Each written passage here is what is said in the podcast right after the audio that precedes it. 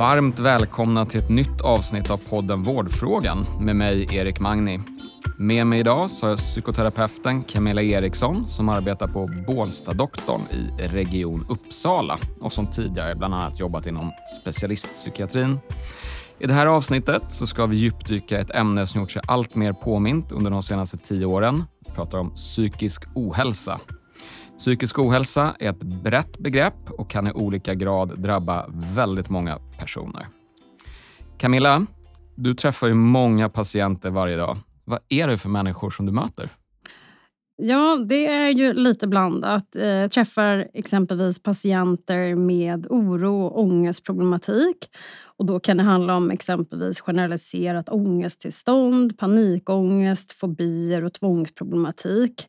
Men jag träffar också patienter med nedstämdhet, bipolära syndrom, neuropsykiatriska svårigheter, olika typer av ätstörningsproblematik och också sexuella dysfunktioner, stress och utmattningstillstånd.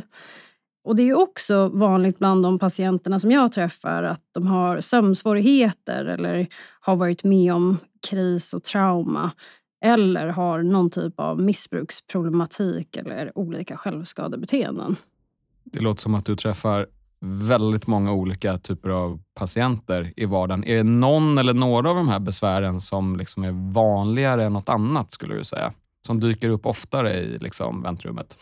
Ja, men det tycker jag. Framförallt oro, ångest, problematik är väldigt vanligt. Eh, även sömnsvårigheter.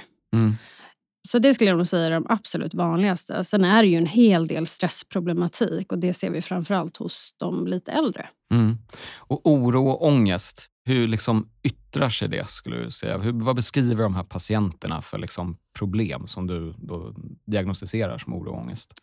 Det kan ju vara allt ifrån koncentrationssvårigheter, minnessvårigheter, hjärtklappning, svettningar, eh, svårigheter att fokusera men också rädsla och oro för specifika tillstånd och situationer.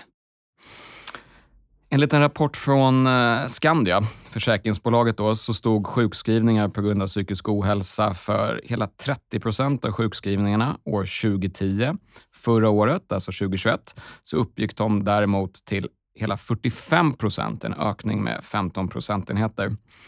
Camilla, den här ökningen har ju pågått i alla fall under minst tio år. Varför planar det inte ut eller minskar? Ja, det är ju en intressant fråga och det finns ju naturligtvis flera bidragande orsaker och förklaringar till att sjukskrivningstalen ökat över tid. Flera oberoende rapporter som jag har tagit del av visar att den psykiska ohälsan som ökar i samhället utgör en allt större del av sjukfallen. Och människor som lider av psykiska besvär förändrar ofta sitt beteendemönster när de mår dåligt. Exempelvis så är det ju vanligt att bli mindre aktiv och slarva med kost och sömnhygien om man inte mår bra. Och Det i sin tur kan ju resultera i att en somatisk ohälsa utvecklas och ju mer omfattande ohälsa en person lider av desto mer brukar också påverka funktionsförmågan. Och Det kan ju också vara precis tvärtom, att det börjar med somatiska besvär som över tid också resulterar i en psykisk ohälsa. Men jag tror också att denna ökning av psykisk ohälsa i samhället har att göra med det ökade kravet som arbetslivet ställer på människor idag.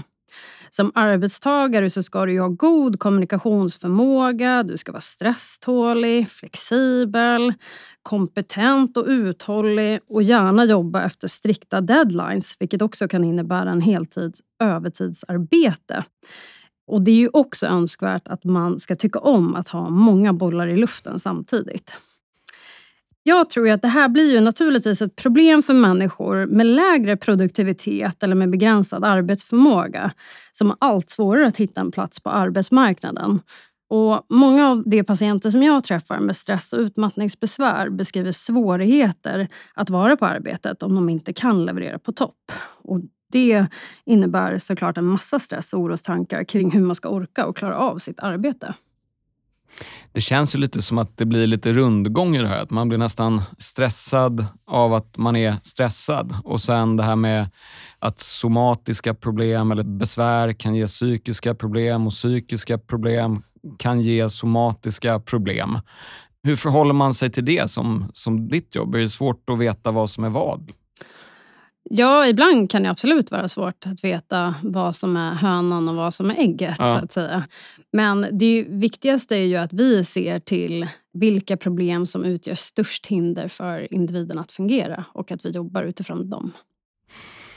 Samtidigt så sammanställer ju Folkhälsomyndigheten också en rad olika rapporter med statistik om hur eh, svenskarna mår. Och I Folkhälsomyndighetens senaste folkhälsorapport så framgår att omkring 10 procent av befolkningen upplevt allvarliga psykiska påfrestningar under det senaste året. Och Det är en ökning med 3 procentenheter eh, mellan ett år och ett annat. Och den här rapporten den konstaterar också att fler kvinnor än män upplever allvarliga psykiska påfrestningar. Eh, jag tänker Camilla, varför tror du att fler kvinnor än män upplever allvarliga psykiska problem eller påfrestningar? Jag tror tyvärr att den här bilden kan vara något missvisande.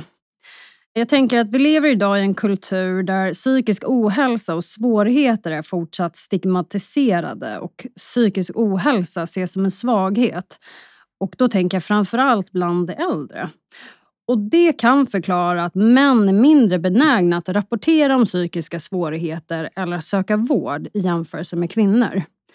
Och Det i sig kan ju göra det svårt för oss att faktiskt veta vilka könsskillnader som finns gällande psykiska besvär. Men om jag talar utifrån egen erfarenhet så har jag arbetat med psykologisk behandling inom både primärvård och specialistpsykiatrin. Och där är kvinnor helt klart överrepresenterade bland patienter som söker vård för psykiska besvär. Min generella upplevelse skulle jag säga är att kvinnor söker vård i ett tidigt skede efter symptomdebut i jämförelse med män som ofta går längre med symptom innan de söker hjälp. Och Jag upplever väl kanske också att kvinnor är lite mer öppna för att få psykologisk behandling och att vara sjukskrivna från arbetet till skillnad från män. Vilket också naturligtvis kan kopplas då till stigmatiseringen. Sen tänker jag att det finns ju såklart andra förklaringar till att kvinnor upplever mer besvär med psykisk ohälsa i jämförelse med män. Och Det kan ju också förklaras av upplevda krav, som att det inte bara handlar om att sköta ett heltidsarbete, utan det förväntas också att man ska ta hand om barn och hushåll, likväl som socioekonomisk ställning. Och vi kan ju se i flertaliga studier att psykisk ohälsa har ett samband med ogynnsamma livsvillkor, utbildningsnivå och ekonomisk situation. Nej, men bara det där är ju en stressfaktor i sig naturligtvis. Just kvinnors ohälsa har ju varit en pågående diskussion väldigt länge att eh, fler kvinnor än män är sjukskrivna på grund av psykisk ohälsa. Mm. Men även där så har ju inte minskat. Det fortsätter ju nästan, eller inte nästan, det fortsätter att öka. Mm. Det, det, blir liksom inte bättre. Har du någon tanke om det? Varför inte blir någon förändring där? Jag tänker att just stigmatiseringen är en avgörande del i det mm. hela. Jag tror ju att om män med psykiska svårigheter hade varit mer öppna för att söka vård och hjälp när de inte mår bra så tror jag att vi hade sett en annan fördelning i, i antalet. Mm. Helt klart. Det finns ju också en diskussion om tillgänglighet i vården och tillgänglighet till psykiatri och psykolog och, och, annat. Och precis som andra väntetider i vården så tror jag att den kan upplevas som, som ganska lång. Mm. Jag tror att det kan vara en tröskel för många, eller kanske män, att man väljer att inte söka vård att man tänker att jag får ändå ingen tid. Ja, absolut. Det kan ju vara en del i det. Men ofta upplever jag att när män kontaktar vården för att få hjälp så, så har det oftast gått flera månader. Ah. Till skillnad från kvinnor som kanske söker redan efter ett par dagar. Så där vet jag inte huruvida väntetider är, påverkar. Nej. Inom primärvården generellt så jobbar man ju med att försöka ha en hög tillgänglighet vilket innebär att man gärna vill träffa patienter inom bara ett par dagar för att göra den första bedömningen. Och där ser vi ju fortsatt att kvinnor är överrepresenterade. Ja. Men du säger att kvinnor kanske söker, om man generaliserar lite, kvinnor söker efter ett par dagar och män söker efter ett par månader. Hur vet man liksom, när det är dags att vända sig till vårdcentralen? Jag fattar att det inte finns något enkelt svar på det, att du säger man ska söka efter tio dagar. Det, så är det ju inte. Men vilken typ av symptom ska man liksom vara var kanske extra orolig för som anhörig eller kompis eller maka eller maka eller, eller liknande? Något som sticker ut om man tänker, du pratade här inledningsvis om ångest och oro. Och, vad sticker ut liksom som patient? Nej, men jag tänker att om en patient upplever att man mår dåligt och har varit besvärad symptom i mer än två veckor eller har besvär som utgör ett hinder för att klara av vardagen så, så är det ju lämpligt att kontakta vårdcentralen för att fråga hur man ska gå vidare. Mm. Sen tänker jag såklart att om man mår så pass dåligt att man har tankar på att man inte längre vill leva eller att överväga att ta sitt liv, då ska man absolut inte vänta några två veckor utan då ska man söka direktvård via psykiatrisk akutmottagning mm. eller ringa 112.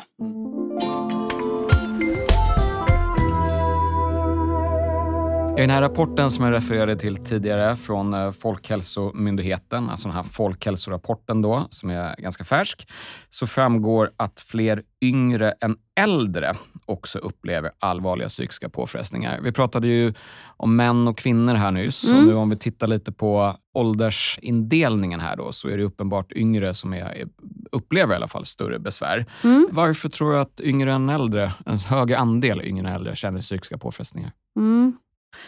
Jag tror att det finns flera faktorer som skapar oro och stress hos barn och unga idag.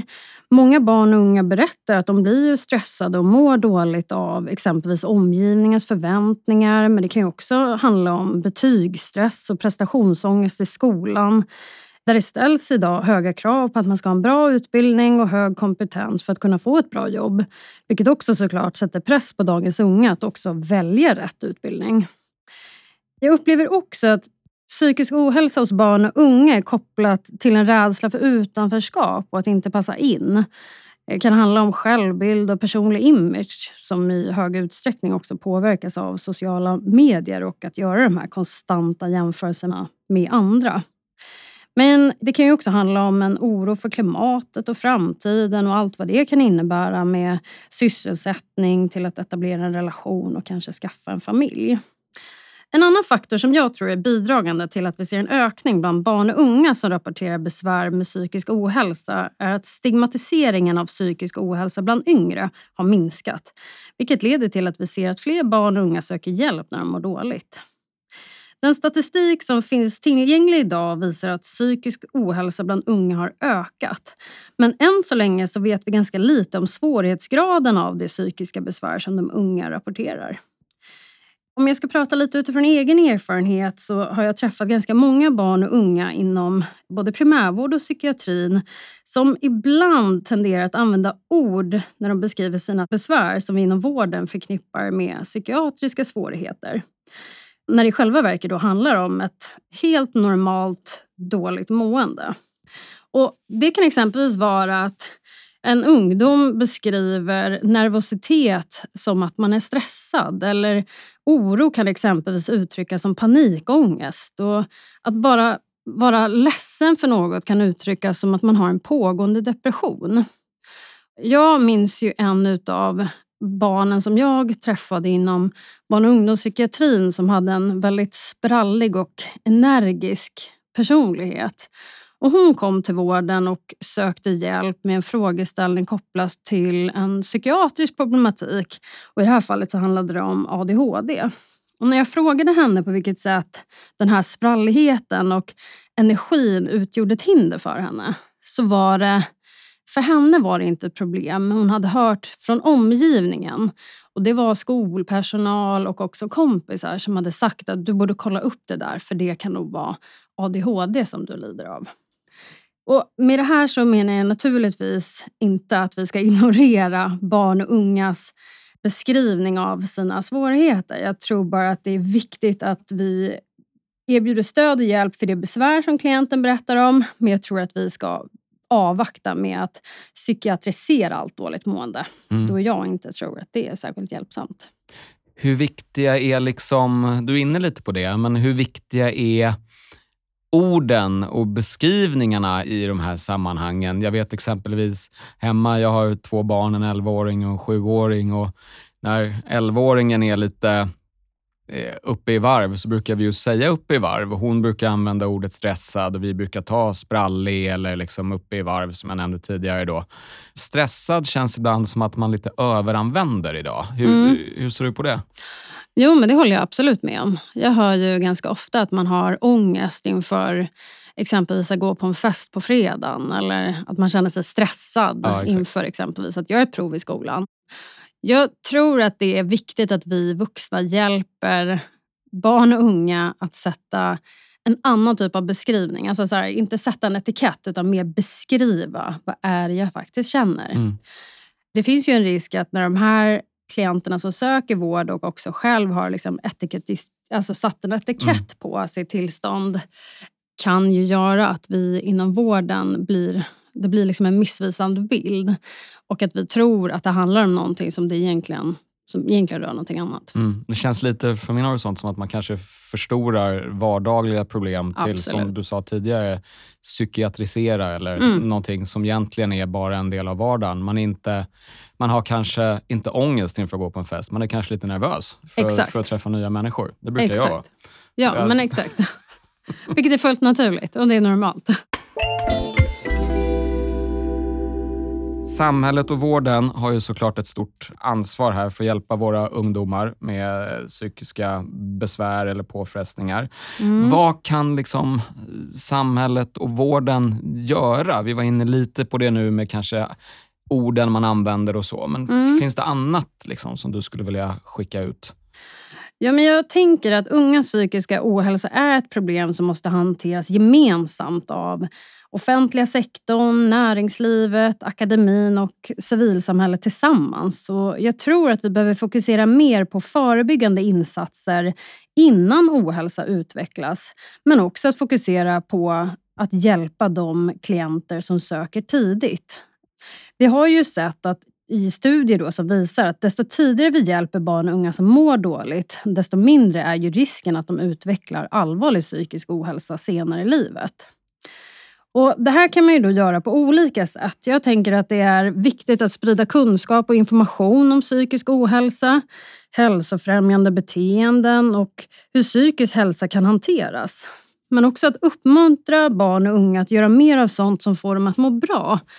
Exempelvis att röra på sig regelbundet och mindre av sånt som har negativ inverkan på måendet. Så som att vara ständigt tillgänglig och uppkopplad. Och den här informationen tänker jag skolan skulle kunna ge till barn och unga redan i en, i en tidig ålder.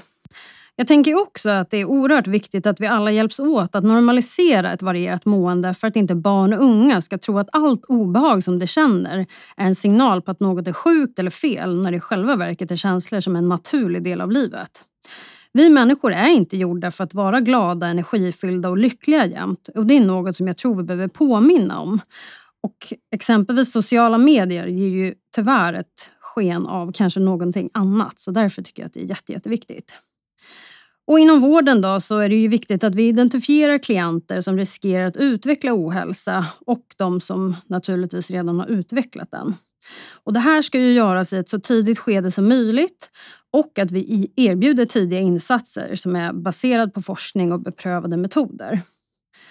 Och när det gäller barn och unga så är det extra viktigt att förklara vikten vid att göra beteendeförändringar som främjar hälsa och att göra ungdomen delaktig i interventionerna. Jag tänker också att det kan vara hjälpsamt att inkludera någon vuxen som finns i ungdomens närhet för att påminna om de beteendeförändringar som är motiverade. Sen är det ju också viktigt att vården regelbundet följer upp den unges mående och utvärderar insatser så att vi säkerställer att vi hjälper klienten på bästa tänkbara sätt.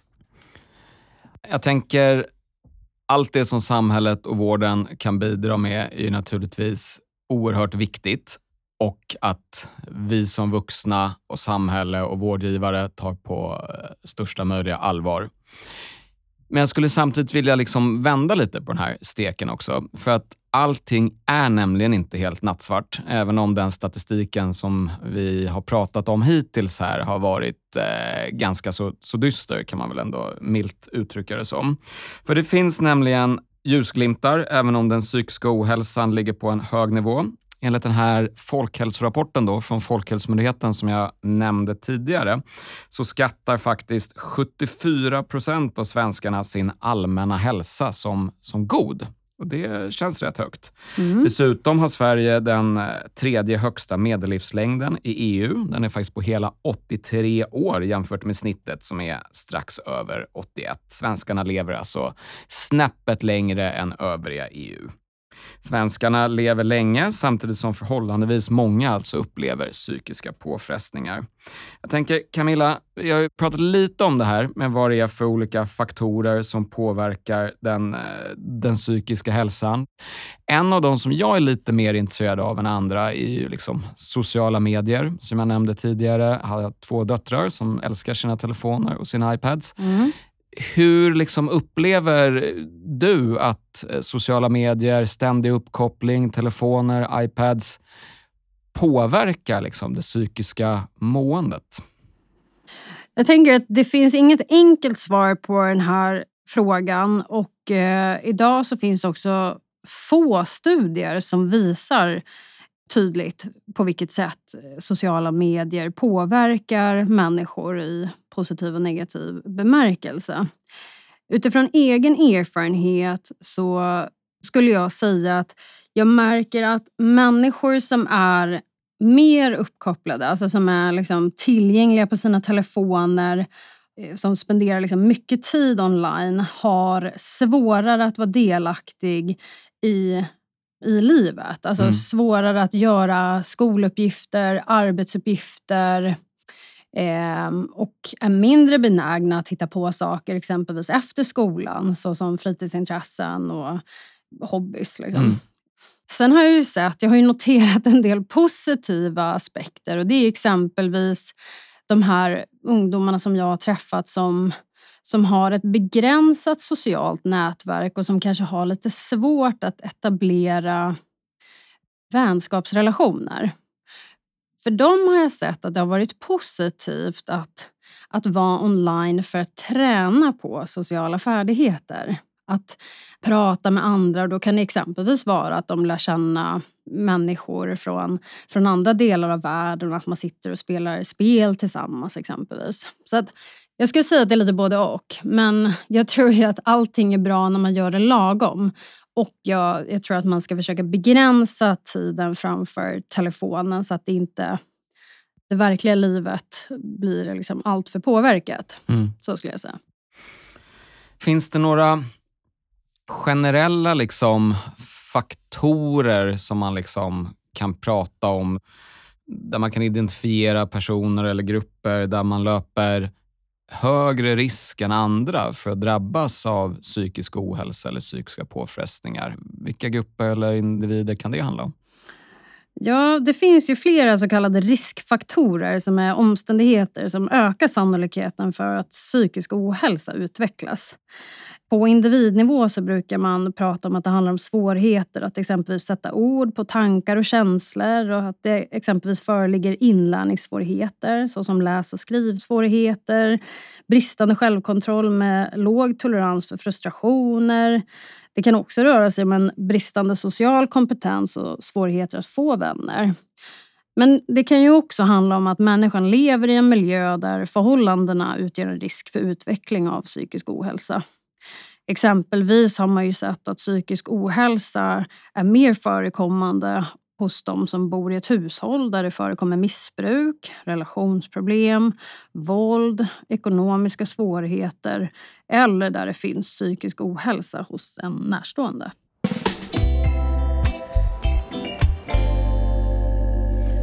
Den psykiska ohälsan då, Camilla, till sist, har ju ökat i, i tio år. Oroande kan jag tycka att det inte har hänt så mycket där. Mm. Vad står vi om tio år?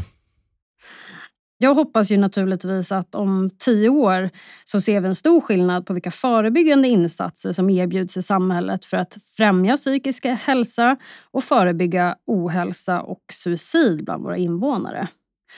Och för att förbättra den psykiska hälsan bland våra invånare så behövs ju insatser som stärker individer, stärker samhällen och minskar barriärer. Och det här handlar ju bland annat om att öka tillgängligheten till ett bra boende, en meningsfull utbildning och ett arbete, men också om att sprida kunskap och information om hälsofrämjande beteenden och vad du faktiskt själv kan göra för att påverka din psykiska och fysiska hälsa i positiv riktning.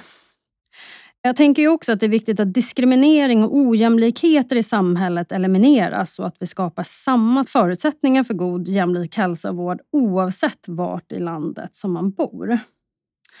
Och jag önskar att vi kan se en större samverkan mellan olika aktörer som jobbar gemensamt för att förbättra den psykiska hälsan bland våra invånare. Och då tänker jag exempelvis att vården samverkar med skola och socialtjänst för att tillsammans samordna förebyggande insatser i syfte att stödja barn och unga som är i behov av stöd från flera aktörer. Camilla, de allra flesta vet nog att fysisk träning bidrar till en starkare kropp som då också kan förebygga skador, leda till färre skador. Men visst måste det också gå att skapa viss motståndskraft mot även psykisk ohälsa. Så jag tänker, om du ska ge två, tre, fyra handfasta och tydliga råd för att skapa motståndskraft och bättre psykisk hälsa. Vad, vad ska man liksom tänka på? Vad ska jag göra? Ja, jo, men om jag skulle ge då tre råd säger vi, som ökar människors motståndskraft mot utveckling av psykiska besvär så skulle jag absolut rekommendera att man upprätthåller en grundhälsa, vilket vi gör genom att röra på oss regelbundet, att äta en varierad kost samt att ha en god sömnhygien. Eh, jag skulle ju också uppmuntra till att vidmakthålla vardagsstruktur med kontinuitet samt sociala sammanhang med vänner och en social gemenskap. För det har vi sett är skyddande faktorer. Vad är en god sömnhygien? En god sömnhygien innebär att vi går upp och går och lägger oss vid samma tid varje dag oavsett vilken dag det är. Mm. Så vi ska alltså gå upp samma tid och lägga oss samma tid även på helgen som mm. i veckan. Men det kan också handla om att vi inte har så mycket skärmtid innan vi går och lägger oss. Att det är mörkt och svalt i rummet där vi sover och att vi varvar ner mm. innan vi går och lägger oss.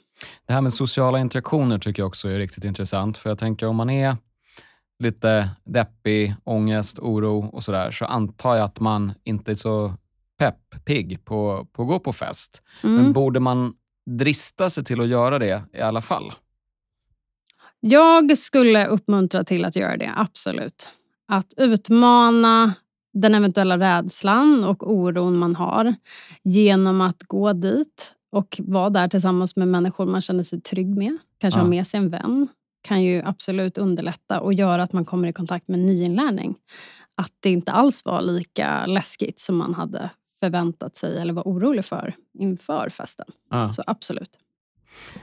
Camilla, tack så hemskt mycket för att du kom hit idag. Dagens Vårdfrågan, eller det här avsnittet av Vårdfrågan, är slut tacka för råd och guidning kring hur man ska tänka kring psykisk hälsa. Glöm inte att prenumerera på Vårdfrågan så kommer du inte missa något av de kommande avsnitten som kommer att släppas här under hösten och vintern. Tack så mycket. Hoppas vi hörs igen. Tack så jättemycket.